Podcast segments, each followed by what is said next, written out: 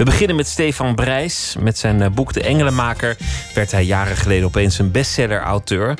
Het uh, boek werd vertaald zo'n beetje over de hele wereld in vele talen. Het werd verfilmd, op toneel gebracht en andere succesvolle romans volgden. Een paar jaar geleden verliet hij België om zich te vestigen in Spanje. In Andalusië ook meteen. Thuisland van flamenco en sherry. En daar vond hij een thuis. Hij zal nooit meer terugkeren naar België. In zijn nieuwe boek, Andalusisch Logboek, probeert hij een uh, jaar bij te houden. Elk hoofdstuk is een maand. En zo probeert hij het land te begrijpen en duidelijk te maken aan de lezer waar zijn leven nu over gaat. Stefan Brijs, geboren in 1969, groeide op in uh, het Belgische gedeelte van Limburg. In uh, de stad Genk, als ik het uh, goed heb. Ja. Stefan Brijs, hartelijk welkom. Een, een heel ander boek dan, dan, dan je vorige boeken en dan al je vorige boeken. De man die eigenlijk in ieder interview zei, desgevraagd een boek moet een plot hebben. Het moet gewoon een, een, duidelijke wending, een duidelijke verhaal. D daar moet het over gaan. Wat is het verschil in, in het schrijven geweest met dit boek? Uh, ik heb lange tijd gezegd inderdaad, ik wil alleen nog romans schrijven. Omdat ik mezelf daar het meest mee vermaakte. Uh, voorheen heb ik wel wat non-fictie geschreven. Maar ik kwam daar in Andalusië. En het eerste wat ik moest doen was maan en zon afwerken. Mijn vorige roman. Anderhalf jaar lang heb ik daar nog aan gewerkt.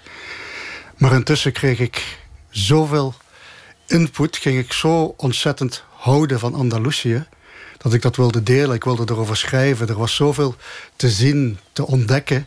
dat ik dacht, als ik nu meteen weer aan een nieuwe roman ga beginnen...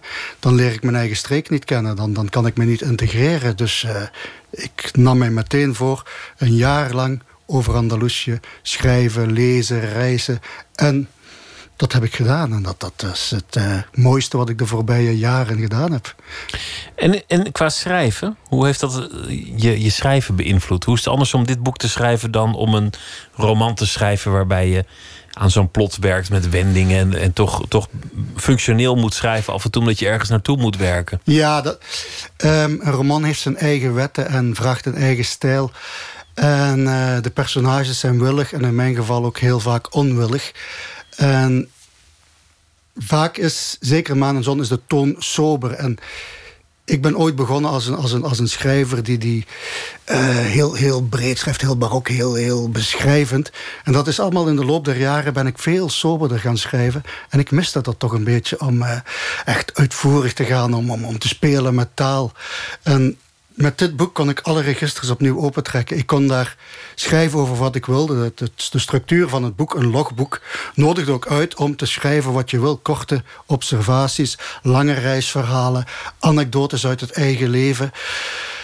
En ik begon eraan en ik kon, ik, ik kon niet meer stoppen. Dat ging maar door. Ik moest zelfs eh, keuzes maken, want er was zoveel om over te schrijven. Ik, ik wilde voor mezelf wilde ik Andalusië beter leren kennen, maar ik wilde Andalusië ook aan de lezer tonen zoals het op dit ogenblik is. Dat was ook de uitdaging die ik had. En daarom ook ben ik bijvoorbeeld niet naar Sevilla gegaan of niet naar Granada, want daar is zoveel over geschreven, zoveel over bekend. Maar ging ik naar de kleine dorpen, naar, naar uh, waar ook heel veel kunstschat, kunstschatten zijn, waar ook heel veel geschiedenis. Daarom hield ik gesprekken met uh, de olijfboer die thuis kwam, met de visboer die komt. Al die kleine daar heel veel natuur, zul je ook wel gemerkt hebben. Uh, alles wat ik zag en ik schreef met zoveel plezier en dat is echt jaren geleden. En uh, zult het merken als u het leest, uh, het swingt. Je zegt, ik, ik schreef met zoveel plezier en dat was jaren geleden. Mm -hmm. Voor een productief schrijver vind ik dat eigenlijk best een pittige uitspraak. Dat, dat eigenlijk de lol misschien wel weg was. Nou, productief. Eh, als ik aan een roman werk, kost mij dat drie, vier tot vijf jaar zelfs. Eh, maar ik had het gevoel in België, waar ik uh, tien jaar op een mooie plek woonde. Ik, ik, ik, een weiland, ook met ezels en alles. Maar als je eenmaal buiten kwam, buiten de hoek van de straat omging, was het te druk. Het was nooit meer stil. Je stond vast, al het dorp stond je vast in de file.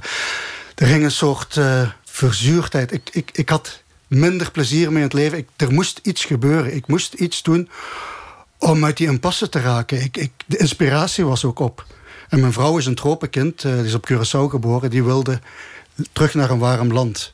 Uh, Curaçao was, was te ver, te heet, want ik hou toch ook nog van seizoenen. En we waren één keer in Andalusië geweest, uh, tien jaar geleden. En daar was een klik. En we zijn binnen drie maanden na de beslissing zaten we in Andalusië. We hebben alles opgegeven.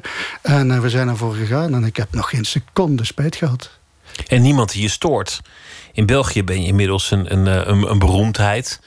Je gaat elke dag de telefoon. Willen ze iets van je? Moet je optreden in een programma of een interview geven of een avond uh, Heel veel presenteren of een lezing of nou ja, noem maar wat. En in Andalusië wordt er niet meer, wordt er niet meer aangebeld. Nee, dat was ook een van de redenen. Ehm, ik heb met de Engelenmaker en Post voor mevrouw Bromley... ik denk uh, honderden lezingen in België en Nederland gegeven. En ik doe dat graag. Ik praat heel graag over mijn romans. En ik weet dat veel mensen na het lezen van die romans... met vragen zitten.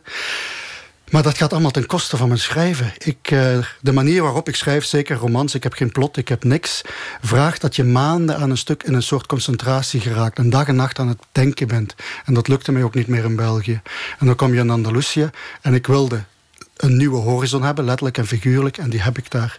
Ik kom buiten, ik kijk door het raam van mijn schrijfhut... en ik kan een dagreis ver kijken. En in de verte zie je drie bergketens naar elkaar. En dat is zo'n verademing. Dat is, uh, het gaf mij de ruimte om opnieuw breed te schrijven... om opnieuw uh, te schrijven waar ik heel veel zin in had. En dat, dat, dat miste ik. Ben je gelukkig? Ik ben er ontzettend gelukkig, ja. ja. Als, als, u mij die vraag vroeger had gesteld... zou ik altijd uh, vroeger, en dan heb ik het zo over drie jaar... over tien jaar, over twintig jaar... zou ik altijd gaan twijfelen en zou ik denken... ben ik wel gelukkig, ben ik wel gelukkig. En dat durf ik nu ronduit zeggen, ja. Daar zit ook achter, mag ik wel gelukkig zijn? Is het wel goed voor mij om gelukkig te zijn? Oh nee, die vraag heb ik zelfs niet meer. Voor een schrijver? ja, voor een schrijver. Kijk, ik heb... Uh, uh, de somberheid van het schrijverschap ook bepaalde ogenblikken gecultiveerd. En, uh, en gedacht, er moet veel drang bij en je moet inderdaad ongelukkig zijn. En daar haal je je inspiratie uit. Maar het kan ook totaal andersom, merk nu, als je, als je gelukkig bent. D dit boek is een soort, uh, haast een, een, een, een één lange liefdesbrief met wel heel kritische noten erin. Want uh, ik, ik, het is niet één grote ode. Ik ben ook heel kritisch voor uh, de vernieling van het landschap... die ik op elk ogenblik zie. Uh, maar, maar als je verliefd bent, wil je het uitschreeuwen. Hè? En dat was een beetje wat ik in dit boek heb willen, willen doen. Uh, en na drie jaar is de verliefdheid liefde geworden. Ehm, tegelijkertijd is er de angst dat, het, ehm, dat je er minder van gaat houden. Dus ik, ik heb gezien hoe dit land, hoe Andalusië in drie jaar al veranderd is. hoe het, laat ik zeggen, tussen aanhalingstekens moderner is geworden.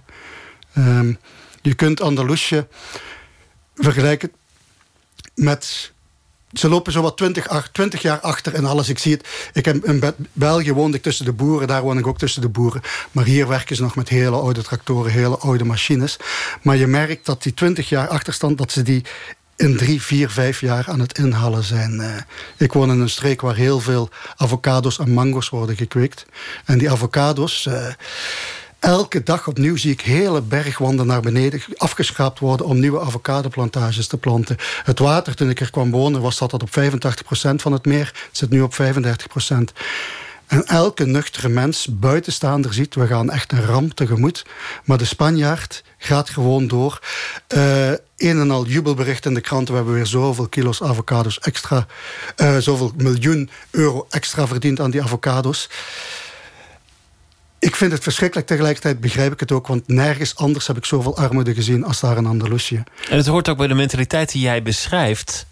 Maak je daar dan niet druk over? Dat komt wel. Ja, not te preoccupes. Dat is... Uh, Hou je er maar niet mee bezig. Ja, Maak je er uh, geen zorgen dus over? Dus ja, nee. Het is een mentaliteit die... Ik bewonder die en tegelijkertijd vind ik het beangstigend. Want het is ook heel geruststellend om zo te leven. Niet achteruit kijken, want dan zit je inderdaad wat nog heel gevoelig is.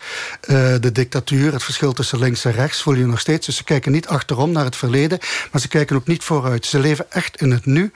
Um, ik, ik zie het aan mijn werkster, ik zie het aan de visboer die thuiskomt, die met een oude auto van 27 jaar zijn vis komt verkopen. Uh, in ijsbakjes verpakt. Uh, en hij zegt zelf, uh, dit mag eigenlijk niet. Maar als ze mij tegenhouden, laten ze me gaan. Want ze weten, dat is een man van 63. En die gaat nog elke dag met wat vis rond om een paar euro bij te verdienen. Hij moet straks met pensioen en dan mag hij niet bijwerken. En hij weet niet hoe hij het gaat doen. Dus um, het is... Andalusië is altijd een arme streek geweest. Mm -hmm. Binnen Spanje is het ook het, het armste gedeelte ja. geweest je, je, je verbaast je over met, met hoe weinig mensen het doen. Ja. Een zekere bescheidenheid hoort erbij. En tegelijk het leven wel groots leven, ondanks dat er geen geld is. Ze, elk dorp heeft drie, vier feesten elk jaar. En die feesten duren 36 tot 48 uur. Muziek aan één stuk door, heel luid. Niks meer flamenco, die tijd is voorbij. Maar echt uh, boem, boem, boem muziek. En dat gaat valleien ver, hoor je dat dragen. Ook dat ben ik gaan begrijpen. Het eerste jaar erger je eraan. Je zegt, hoe kan dat? Maar het is een enige uitlaatklep. Het is, uh, ze zijn elke dag bezig met inderdaad... Uh, wat geld bij elkaar te harken. Zoals ik schrijf, ze zouden het vel van een keistrop om toch nog iets te doen. Ze klagen niet, ze zeuren niet, ze halen eruit wat er uit te halen valt. En dat is bewonderenswaardig. En als er dan een feest is, iedereen samen, één groot grote broederlijkheid. En uh, er wordt gedanst, er wordt gezongen, er wordt heel veel gedronken. En uh, het is een uitlaatklep. En ik begrijp het nu, na drie jaar. Lukt het je om te integreren? Want, want de Noorderlingen worden daar wel gezien als de onte, ontevreden massa's met hun cruiseboten en hun touringcars. Die binnenkomen en gaan klagen en toch nog een beetje haast hebben meegenomen van waar ze vandaan komen. Nee, Zien ze jou ook nog zo? Mm, minder denk ik, omdat ik ontzettend mijn best heb gedaan. Um, kijk, ik ben zelf opgegroeid in Genk, uh, in de steenkool, steenkoolwijken waren dat. Er waren drie steenkoolmijnen. Ik ben opgegroeid tussen migranten, tussen Turken, Spanjaarden, Marokkanen. En ik heb gezien hoe moeilijk die integratie daar verliep... omdat zij in cités, zoals wij dat noemden, in tuinwijken werden gestopt... en nooit ook alleen maar Turks of Marokkaans of Italiaans praten onder elkaar. En dat wilde ik niet. Dus ik, uh, ik kende geen woord Spaans. Ik ben meteen Spaans gaan volgen. Ik ben in een dorp gaan wonen waar ook veel Spanjaarden wonen. Ik ben naar lokale feesten gegaan. Terwijl de Engelsen die er wonen, er wonen ook heel veel Engelsen... Um, leven daar nog steeds in kolonies bewust gedragen zich nog min of meer als kolonisatoren. Mijn buurman, uh, woont 500 meter verderop, is een Engelsman, woont er al 12 jaar. Hij kwam vorig jaar naar me toe en hij zei: Ik heb een probleem met het water. En de man van de gemeente is hier geweest, maar ik verstond, toch niet, verstond het niet, want hij praat nog steeds geen Engels. Dat is de mentaliteit. Zij wonen twaalf jaar daar en kunnen nog, geen, kunnen nog niet één woord Spaans. Ik vind het verschrikkelijk. Het is wat ik meteen wilde. Ik kom hier in Spanje leven. Ik ga me aanpassen. En ik ga in ieder geval Spaans leren en zoveel mogelijk contacten proberen te leggen. Wat niet makkelijk is, want de Andalusiër leeft nog steeds een groot familieverband. En het is heel moeilijk. Je mag ze thuis uitnodigen, maar het duurt heel lang voor je bij hen thuis wordt uitgenodigd. Is het schaamte voor de armoede? Is het, is het een andere mentaliteit? Daar ben ik nog niet achter na drie jaar. Daar heb ik ook nog niet over geschreven. Misschien is dat wel op de meeste plekken in de wereld zo. Dat, dat mensen op een, op een eh, twaalfde hun vrienden maken en daarna niet meer. En dat, dat de nieuwe link zich moet, moet in, uh, ja, ik weet het niet. Ik, inwurmen. Ik, ik, ik, ken iemand uit Madrid die er ook al drie jaar woont. Dus een Madrileen. En uh, zelfs hij zegt, na drie jaar heb ik nog geen vrienden kunnen vinden hier. Terwijl hij heel, heel sociaal is. Dat is een, een, een, soort geborgenheid. Maar los daarvan ik ken geen enkel ander volk uh, dat zo hartelijk is, zo warm, dat open staat voor elk gesprek. En misschien daarom ook dat ik mij zo thuis wil. Ik, ik, ik heb het al eens zeker niet schertsend genoemd, maar dat Andalusië het Limburg van Spanje is. Dezelfde hartelijkheid die ik herken in Limburg. Ga je naar een kroeg, ga je naar een restaurant, hoe druk het ook is. Het blijft één feest. Je ziet het ook uh, op de achterkant van mijn boek. Het is gemaakt in echt een dorpscafé. En je komt ja, binnen en je, het is... De ik man... zie jou daar met een kopje koffie aan de bar ja, staan nee, in, een, in een mooi wit hemd. Het bier staat ietsje verder. Aha. maar je komt er binnen, die, de man geeft je een hand. Wie daar ook binnenkomt, een, een vreemdeling, een Spanjaard. Uh, ineens begint er iemand flamenco te zingen. Zomaar in het wilde weg. Drie regels en Hup, en die gaat naar buiten. En dat is het dan. En iedereen komt er binnen gewaaid. Iedereen gaat er weer buiten gewaaid. Het is, je, wordt, je, wordt een soort, je wordt gewicht. En dat vind, vind ik zo heerlijk. En je krijgt altijd te eten, want ze vinden je altijd te mager. Je krijgt altijd te eten, je vindt je altijd te mager. Wat dan weer het nadeel heeft, ik schrijf er ook... Uh, het grote probleem op dit ogenblik is dat heel veel kinderen... Uh, te dik zijn. Ik zag het op straat. Het viel mij op als ik in Veles Malaga of uh, in een dorp liep... of zelfs in Malaga-stad. Dan denk je, jeetje, wat zijn hier veel kinderen dik. En dan lees je in een krant de statistieken... en inderdaad blijkt dat bijna 40% van die kinderen aan obesitas leidt. Een gevolg van de armoede, kopen goedkope diepvriesproducten... veel chips. Je ziet kinderen in buggies zitten, nog geen acht maanden oud... met een zak chips zo groot als zichzelf. Je ziet uh, snoepwinkels echt fabrieken van, van snoep. Iedereen snoept. En sinds kort is er een soort uh, sensibiliseringscampagne. En dan hoor, praten wij zoals we nu praten. En is er een diëtist die zegt... ja, maar cola is eigenlijk niet zo goed. En dan zegt die journalist van... hè, is cola niet goed? Dus is ook die achterstand die nog moet ingehaald worden. En uh, nog steeds leeft de gedachte... een dik kind is een gezond kind. Ja, ze vinden die altijd te mager. Je vindt altijd en dan komen ze weer met een, met een bakje in olie gebakken, dit en, en, en hier van het huis. Ja. En dan grijpt ze je bij je wangen en dan zegt ze: eten moet je. Er, er, komt een nummer voor in, jou, in jouw boek van uh, Juan Breba. De, de, de, de, nou ja, de godfather van de, van de flamenco. Dat was een, een hele oude opname. Een wat recentere uitvoering van, van het nummer van Antonio de Canillas. Se siembra y vuelve a nacer. Dat zoiets betekent als je, je snoeit het en het wordt weer geboren. Ja, ja.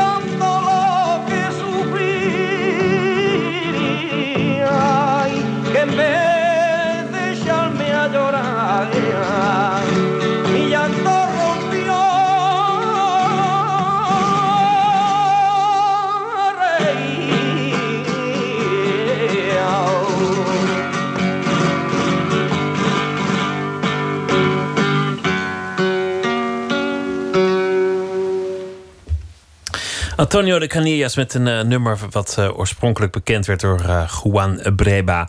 Die genoemd wordt in het, in het boek van Stefan Breis die tegenover mij zit. Het Andalusische logboek. Een verliefd man zit tegenover mij verliefd op zijn nieuwe thuis. De, de streek waar hij woont en waar het, waar het boek over gaat. En waar we straks ook nog wel over verder praten. Maar ik wil eerst even met je terug naar Genk, mm waar, je, waar je opgroeide. Want het was allerminst vanzelfsprekend dat jij, dat jij schrijver zou worden. Je, kwam uh, uit een gezin waar volgens mij niemand anders schrijver was, of waar je omgeving niemand schrijver was, of, uh, of zelfs heel veel boeken las, of gebeurde dat nog wel? Nee, kijk, mijn vader was uh, arbeider op de Fort, zoals wij dat zeggen, op de Fortfabriek. mijn moeder was huisvrouw en wij woonden inderdaad. Limburg was sowieso in die jaren een beetje cultureel achtergesteld. je kon moeilijk naar theater gaan.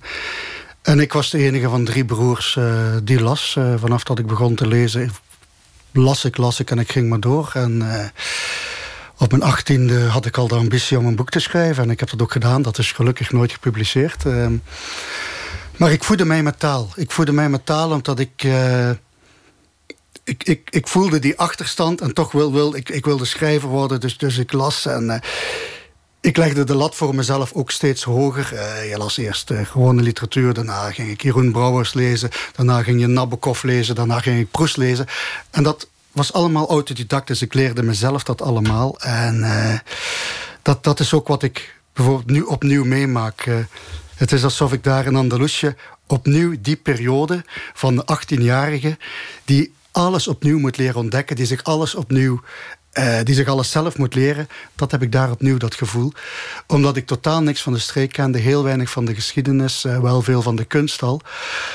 Maar ook daar had ik het gevoel van wauw, ik kan me opeens weer... er is heel veel nieuws te ontdekken. En dat, dat is wat ik vroeger had als jongen in Genk. In dat, uh, een soort honger om de wereld te ontdekken. Een soort honger. Ik, die, die, die honger die was die was er nog steeds uiteindelijk in België, maar, maar die, die, die, kon ik niet meer bevredigen. En daar kwam ik en er was zoveel om, om mij weer mee te voeden. Er was zoveel. Uh, ik, heb, ik, ik heb weer dagen, weken aan een stuk gelezen. Gelezen Spaans, Nederlands, Engels. Alles over, over geschiedenis, over, over deze Guan Breba. Toen je leest de naam in een gedicht van Lorca Guan Breba. Ik kende hem niet. En ik las dat hij vlakbij mij geboren is op 20 minuten. En dat daar een groot standbeeld van hem staat. En je gaat er naartoe ineens. Ik wil alles weten van Guan Breba. En dan begin je te zoeken, te studeren. En je krijgt een beeld van die man, het droeve verhaal inderdaad, van wat zijn droeve levensverhaal. Ik denk, dit moet ik vertellen, dit komt in het boek. Want het staat ook symbool voor Andalusië. Dus alles wat ik daarin vertel is niet zomaar lukraak. Het moest ook iedere keer een functie hebben. Ik wilde ook dat het uh, exemplarisch was voor het algemene wat ik daar zag en wat ik daar voelde. Um, er zijn dingen die het voorlopig ook niet gehaald hebben in het boek. Eén van de zaken die mij enorm is bijgebleven. Er was een Eucharistie. Ik, woon in een heel klein dorpje, 20 huizen. En er staat een kapelletje en er was voor het eerst een openluchtmis. En ik dacht, god, daar gaat maar tien man zijn. Maar van overal, al andere dorpen, kwamen daar mensen. En dat waren meer dan, daar zat 120 man. Maar het was op het domein van, zoals wij het noemen, de grootgrondbezitter. De baas van de Cortijo Grande, van de grote boerderij. En de mis begon en wij zaten er met ons 120. En tegenover ons zat dus de familie en de grootgrondbezitter naar ons te kijken naast het altaar. Ik dacht, dit snap ik niet. Wat, wat is hier aan de hand? Ik dacht wel dat het te maken had... zij staan nog steeds boven deze arme boeren. Het is nog steeds zoals het al honderd jaar geleden was. De grootgrondbezitter met zijn personeel, met zijn, met zijn landbouwers.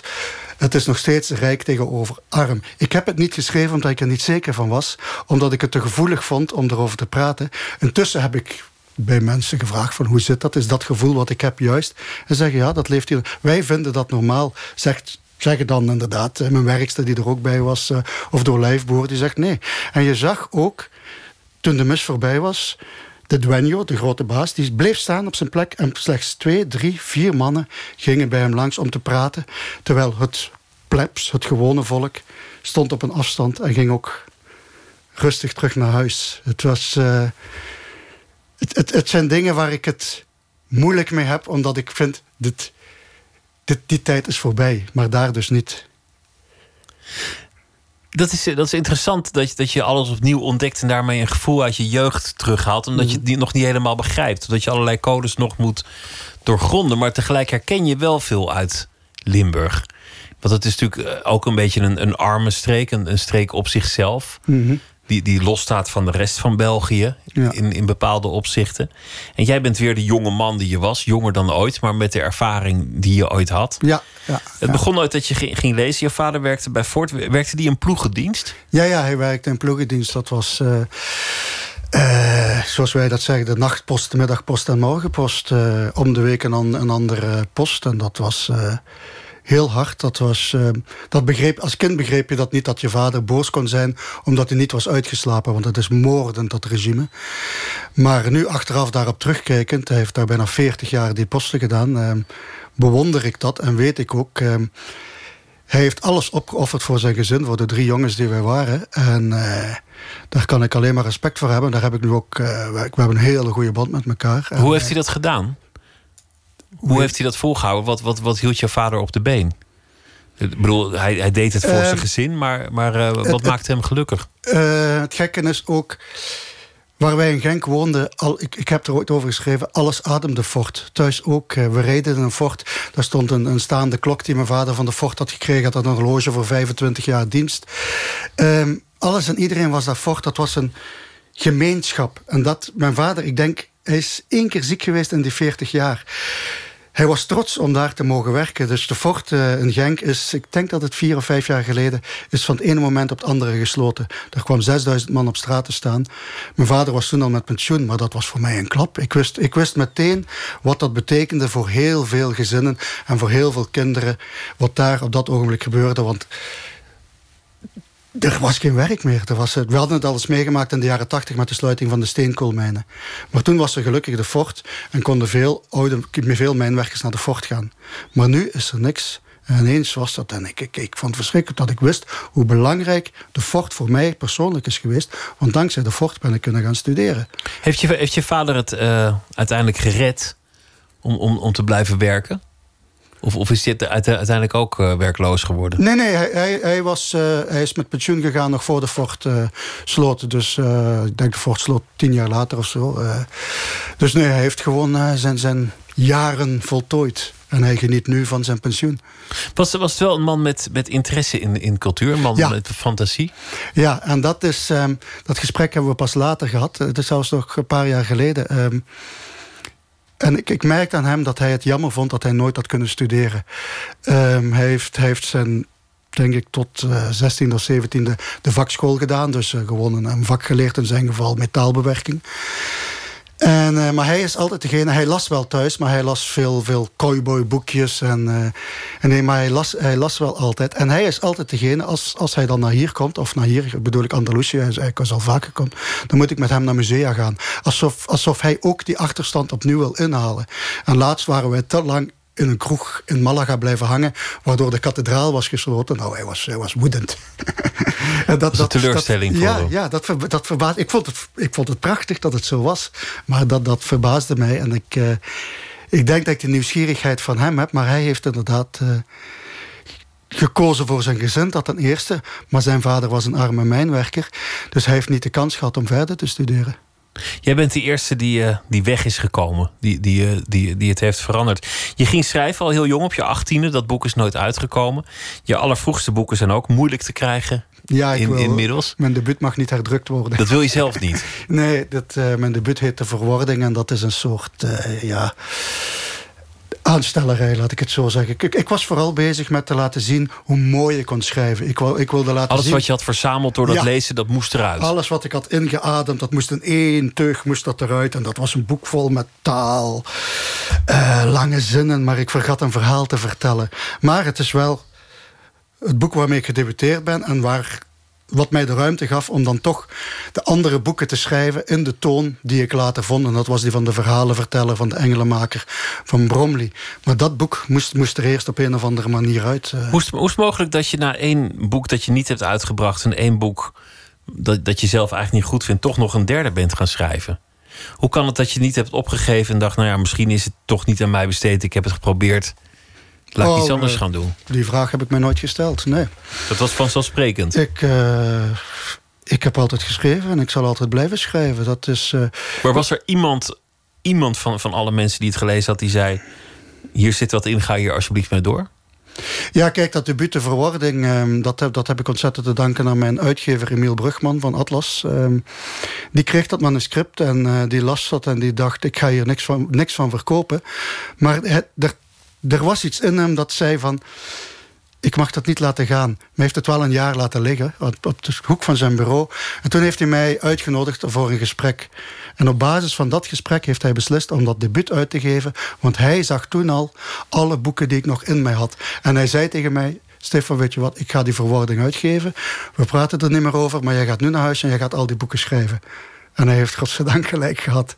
Want er is uh, uiteindelijk die engelenmaker gekomen, Bromley. En het is... Uh, ja. Het is een, een briljante carrière geworden, zeer succesvol. Ja, ja. Aanvankelijk ook niet trouwens. Want, want de, de engelenmaker kwam uit en het duurde nog wel eventjes voordat het boek gelanceerd werd. Ja, het had een eerste druk van 3000 exemplaren. En ik, ik, zei, ik zei tegen mezelf, ik zou heel blij zijn als die eerste druk eens verkocht werd. Want mijn vorige drie boeken hadden nooit uh, een tweede druk, tweede druk gehaald. En het begon traag tot ineens het boek werd genomineerd voor een aantal prijzen. En toen pakten de mensen het op, begonnen te lezen. En het is een boek dat heeft geleefd dat nog steeds, want het verkoopt nog steeds ontzettend goed na tien jaar, van mond tot mond reclame. Mensen begonnen te lezen en zeggen, hey, dit moet je lezen, dit moet je doorgeven. We zitten intussen aan iets van 180.000 verkochte exemplaren. Voor mij was dat dus iets magisch. Hè? Het was, uh, nog elke dag knijp ik mezelf van, uh, wat is jou overkomen? Wat, uh, ik geniet ervan, en ik heb, maar ik heb mij toen ook meteen gezegd van je gaat gewoon door met de boeken schrijven zoals je ze wilt schrijven. Je gaat geen toegevingen doen, je gaat geen tweede engelenmaker schrijven. Nee, ik schrijf alleen eh, als er echt een idee is waar, waar, waarvan ik denk, dit is het. Er is nu ook een idee aan het rijpen, maar dat was er twee maanden geleden nog niet. En dan had ik nog een jaar moeten wachten, had ik nog een jaar gewacht. Maar ik moet een idee hebben waarvan ik zeg, dit is het boek waarmee ik naar de mensen kan gaan, waarmee ik hen weer een verhaal kan geven. Ze gaan zitten en ze worden drie dagen later wakker uit die wereld en denken: Goh, wat was dit? Eén, aangrijpend. Uh, ik ben blij dat het voorbij is, maar tegelijkertijd zouden ze nog drie dagen in die wereld willen blijven zitten. Dat is een beetje de opvoeder die in mij is achtergebleven, mijn opleiding als opvoeder. Maar het, ja, je, hebt, je hebt ook nog een, een onderwijscarrière gehad. Ja. Niet heel lang, geloof ik. Nee. Ik was opvoeder aan een middelbare school. In België betekent dat uh, dat ik vooral leerlingen begeleide die, die het moeilijk hadden. Of met zichzelf of thuis problemen hadden met, met de ouders. Of uh, dat kon gaan van liefdesverdriet tot een zelfmoordpoging. Uh, dus dat heb ik bijna tien jaar gedaan. En dat deed ik heel graag. Maar de roep om een boek te schrijven was veel groter. En dat, ik heb die baan zelfs opgegeven voordat ik de zekerheid had van dat ik veel zou verkopen. Maar ik moest en zou schrijven. Maar het is iets wat wel altijd in mijn boeken is teruggekeerd. Um, het opkomen voor, voor het lot van de verschoppeling. Uh, doe ik ook een Andalusisch logboek. Hè. Uh, ik vertel heel veel inderdaad over, over, die, over die arme mensen... en hoe ze proberen te overleven. Met iedere keer een soort van uh, mededogen... maar ook een soort van sympathie. Ik hoede me daar ontzettend voor... maar ik, ik hoefde daar niet voor op te passen... om op hem neer te kijken. Er zijn in, in, het Nederlands, ik denk, ik, er bestond zo'n boek niet. Het, wat, ik vond het ook een hiaat. iemand, een Nederlander van Belg, die op die manier over Andalusië... Maar Engels hebben het vaak gedaan. Er zitten heel veel Engelsen in Andalusië. En uh, schrijven altijd op een neerbuigende, beetje ironische manier... over het leven van de Spanjaarden. En dat wilde ik niet. Ik wilde het laten zien zoals het is... omdat ik zelf waarschijnlijk dat leven ook gekend heb. Dus ik ga daar niet meer spotten, ik ga daar niet meer lachen. Ik weet hoe moeilijk het is of hoe hard je ervoor moet werken om iets te bereiken. Het is een, een, een bijzondere tijd waarin je dit beschrijft in Spanje. Uh, iets voordat jij eraan kwam was de crisis uitgebroken. 2008 uh, eh, de internationale crisis en twee jaar later brak de, de, de hel los in, in Spanje. Met de huizencrisis, ja. Met de huizencrisis. En, en er kwam enorm veel corruptie aan het licht. Mhm. De, de politici bleken helemaal niet in staat om die crisis het hoofd te bieden. En de jeugdwerkloosheid was reusachtig. Er staat nog steeds op 35 procent. Het, het, was op een zeker ogenblik bijna 50 procent. Ja, ja. Nou, dat, dat is al zo lang aan, aan de gang dat je, dat je inmiddels waarschijnlijk moet spreken van een verloren generatie. Een generatie die zoveel ervaring mist dat ze nooit helemaal uh, zich zullen ontplooien op de arbeidsmarkt. Ja. Een, een, land dat, dat eigenlijk aan, aan rafels hangt. Ik, ik noem het in mijn boek, het is, een, het is een land op leme voeten. Het gaat niet vooruit, het, het, blijft, het blijft stilstaan. Ehm, we zitten nu ook met een minderheidsregering na een jaar van onderhandelen... omdat er, um, omdat er geen akkoord kwam. Uh, voor het eerst in, in meer dan 30 jaar. Kijk, na, nadat, toen Franco stierf, toen de dictatuur voorbij was, in 75 kwam er democratie. Maar dat was een democratie met twee grote partijen. Eh, de PP, de Liberalen en de PSW, de Socialisten.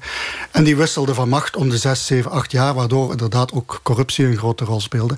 Maar nu met de komst van Podemos en Ciudadanos... Uh, was er ineens na de verkiezingen geen van die twee partijen die een absolute meerderheid had. En ze moesten met elkaar gaan praten en onderhandelen en ze konden het niet. Het was verschrikkelijk om te zien hoe ze naast elkaar praten, hoe ze zelfs weigerden te praten. En er moesten nieuwe verkiezingen komen en weer nieuwe. En uiteindelijk heeft de PP gezegd, oké, maak een minderheidsregering met uh, mensen, de anderen onthielden zich en dan kon dat. We zijn nu vijf maanden verder, die regering is er. Er zijn twee wetten goed, goedgekeurd. Eén oude wet, gewoon algemene meerderheid. En vandaag las ik, en dat was echt tot mijn verbazing, en ik vind het een positief teken. Dus uh, dat het graf van Franco, dat uh, heeft, heeft een, een ontzettend praalgraf voor zichzelf laten bouwen. En, uh, de vallei daar gevallen. Er zijn heel veel doden bij gevallen bij die bouw. En het is nog steeds een soort bedevaartsoord voor nazisten die dat gaan, gaan fascisten die dat gaan bezoeken.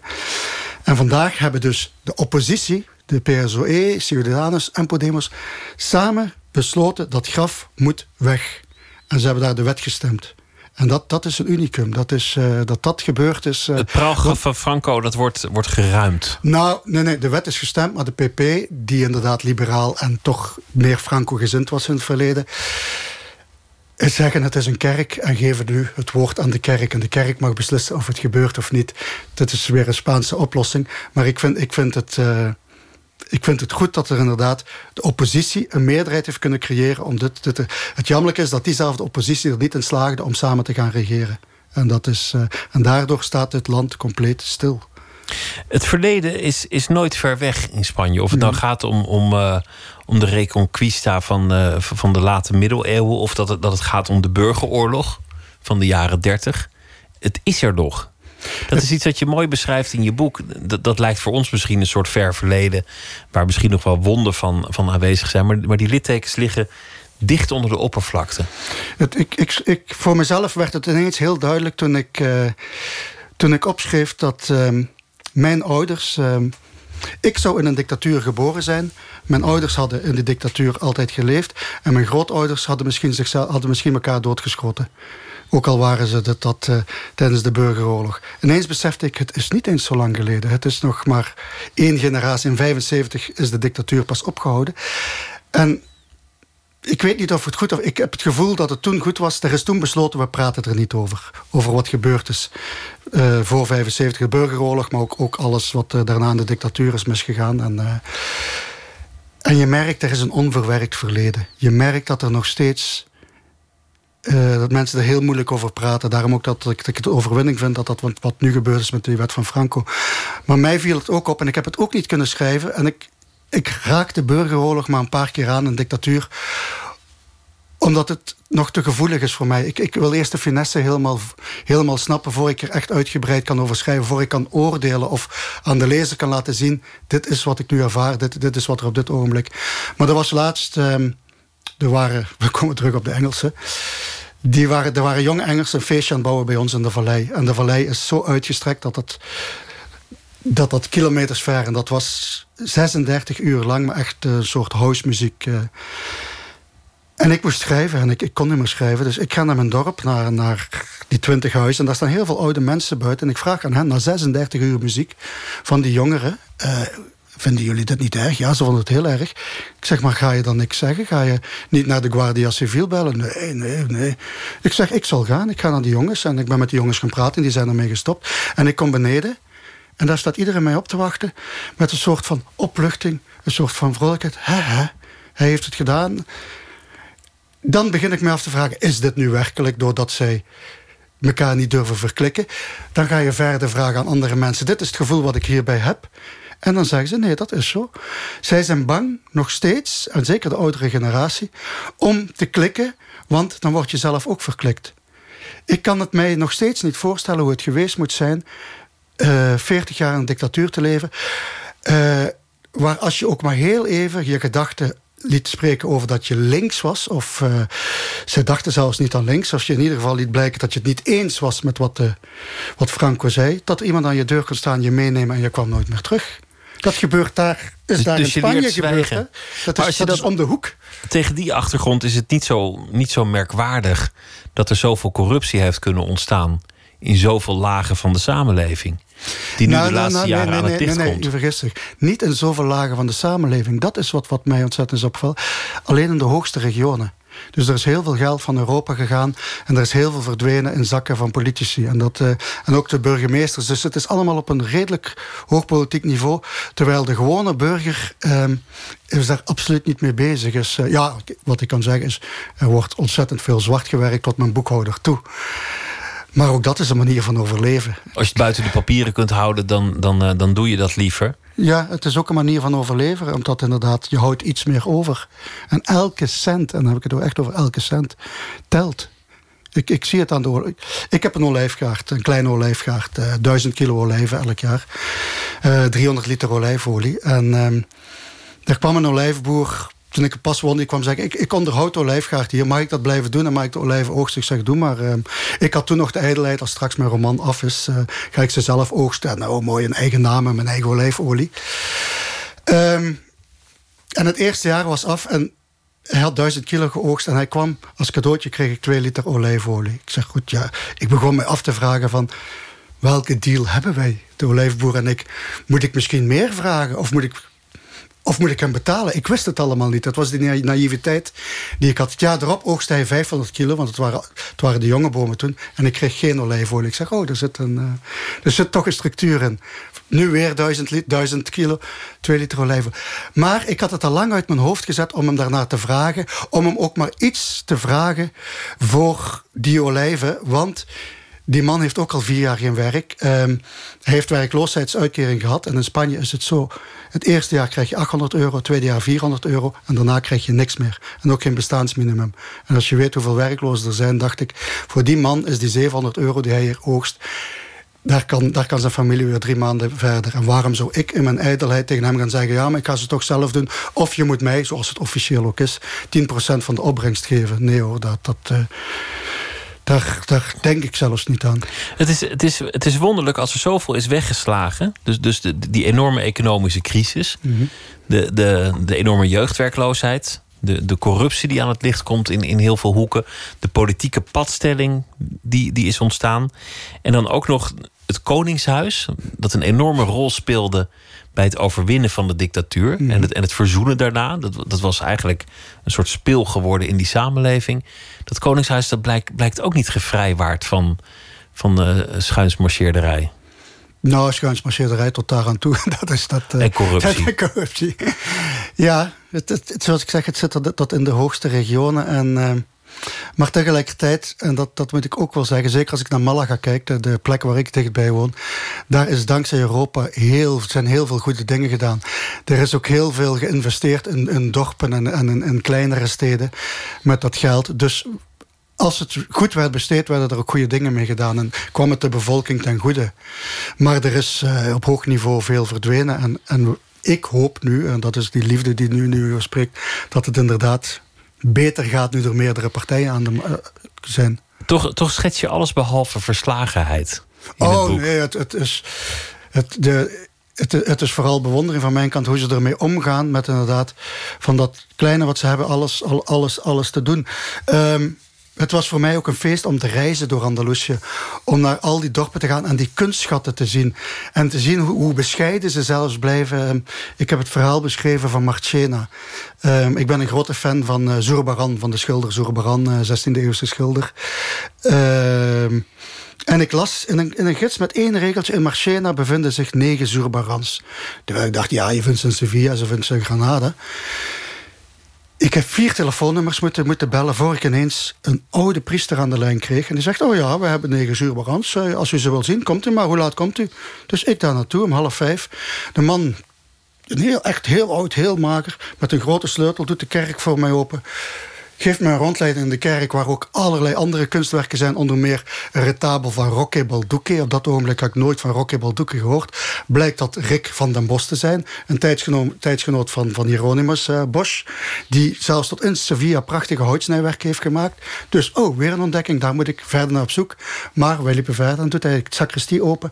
En daar hangen negen levensgrote Zurbarans. Zeven apostelen. één Jezus aan het kruis en één uh, Maria ten hemelopneming.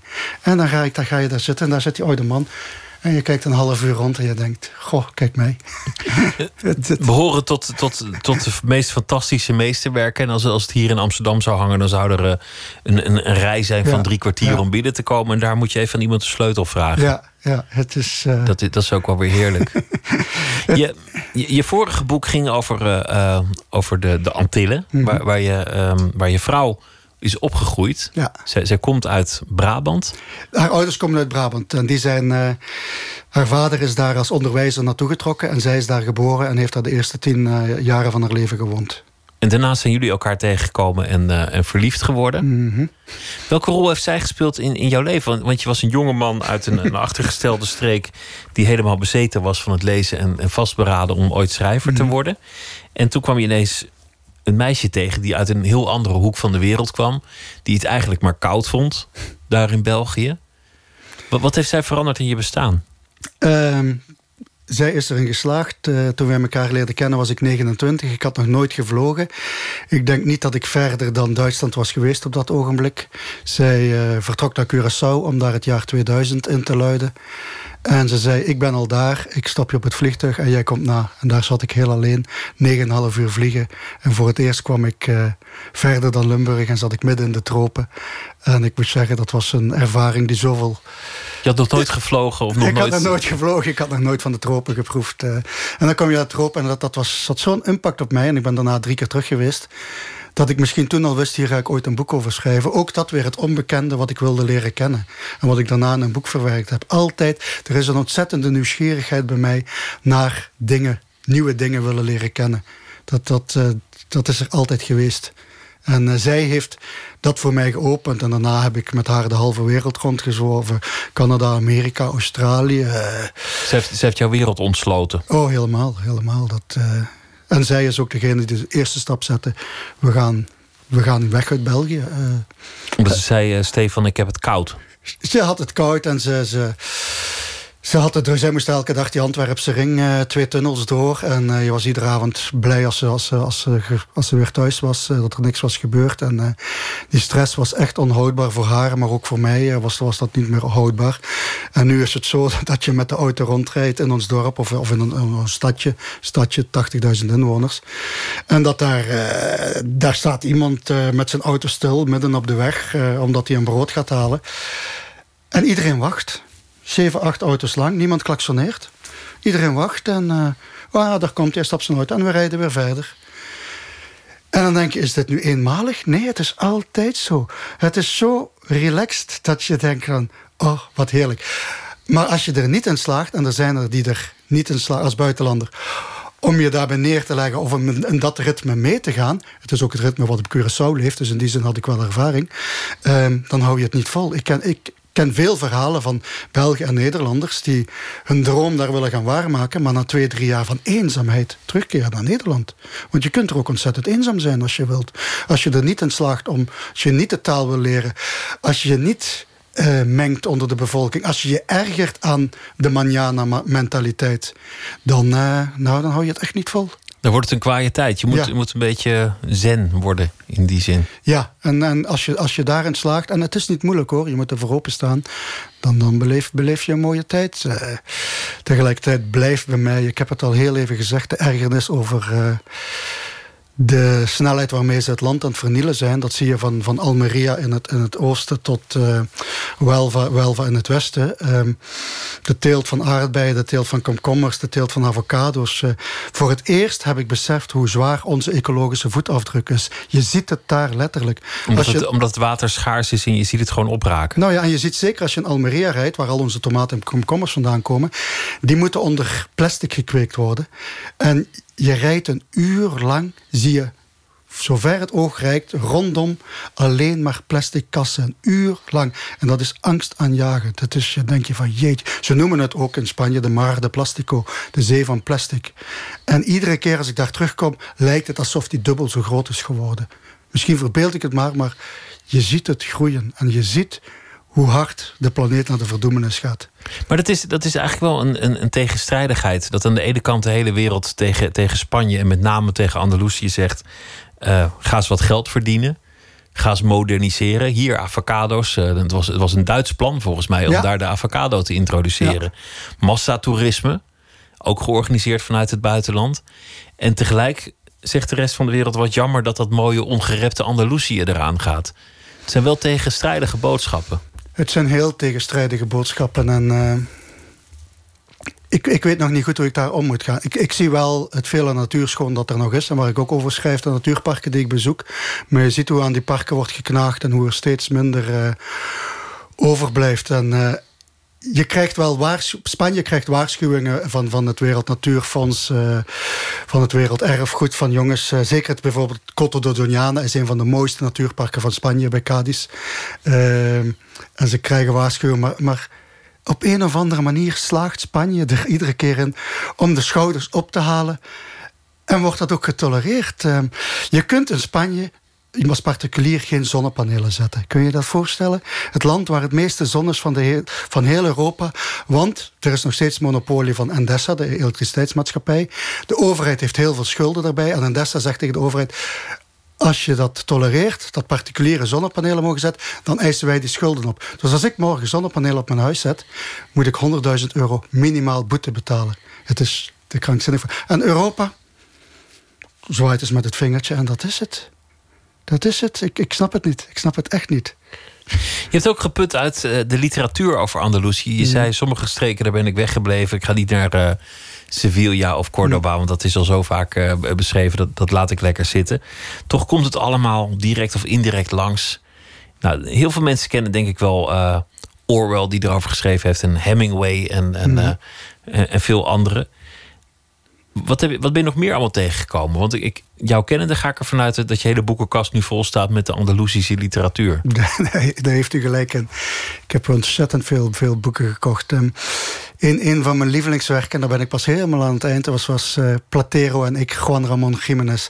Is na, na Don Quixote is uh, Platero y Yo het meest bekende meest gelezen verhaal in Spanje is uh, een man die beschrijft dit jaar 1900 in zijn dorpje in de buurt van Welva, loopt met zijn ezel rond en vertelt gewoon wat hij meemaakt, wat hij ziet.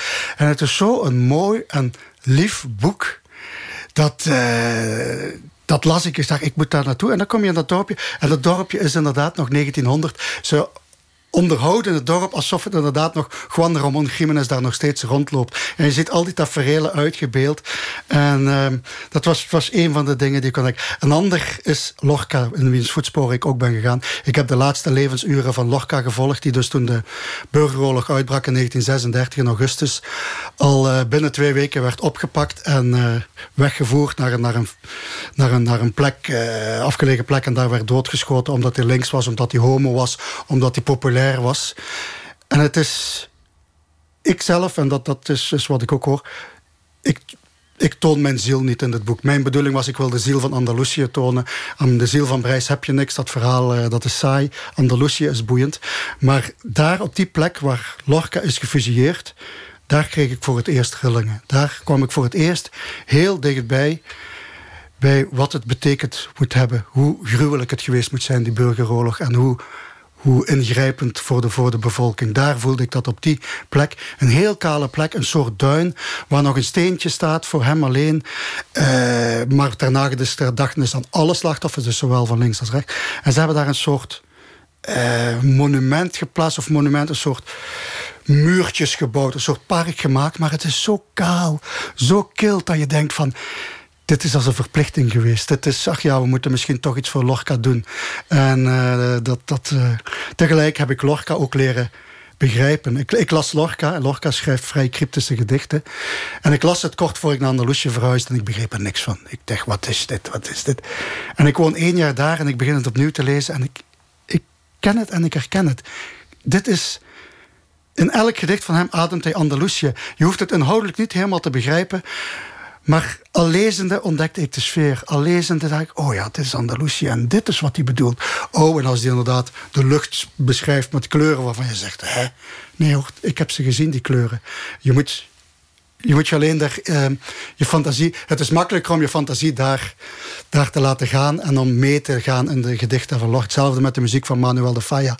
Dat, uh, ik, ik, moet, ik moet mijn post halen op drie kwartier uh, van huis... tussen half negen en half tien s morgens. En dan zet ik een opera van de Falla op... en dat is uh, vaak is dat, dat is heel wisselende muziek in tempo. Uh, in het gebruik van instrumenten. En uh, met veel bochtwerk noem ik het, die muziek. En als je dan, zoals ik, via binnenwegen langs ravijnen en kloven... naar een dorpje moet rijden waar je post moet gaan halen... en daar moet je klimmen tot op naar een heel klein huisje... waar een heel kleine postbode zit in een heel klein kamertje... dan... dan dat is, dat, dat is zo overweldigend, dat is zo mooi, zo prachtig. Dat, het is ontroerend. Het is... Ga je daar sterven, denk je?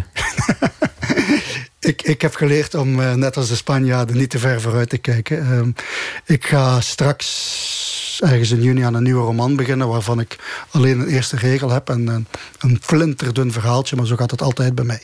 Ik uh, laat mij leiden en ik, weet, ik zie wel waar ik over vier jaar geraak. En als ik er dan nog gewoon, uh, en ik, ik hoop het van harte... Dan ga ik aan een tweede deel beginnen. Want er zijn nog zoveel dingen die ik moet vertellen, die, die ik moet bezoeken.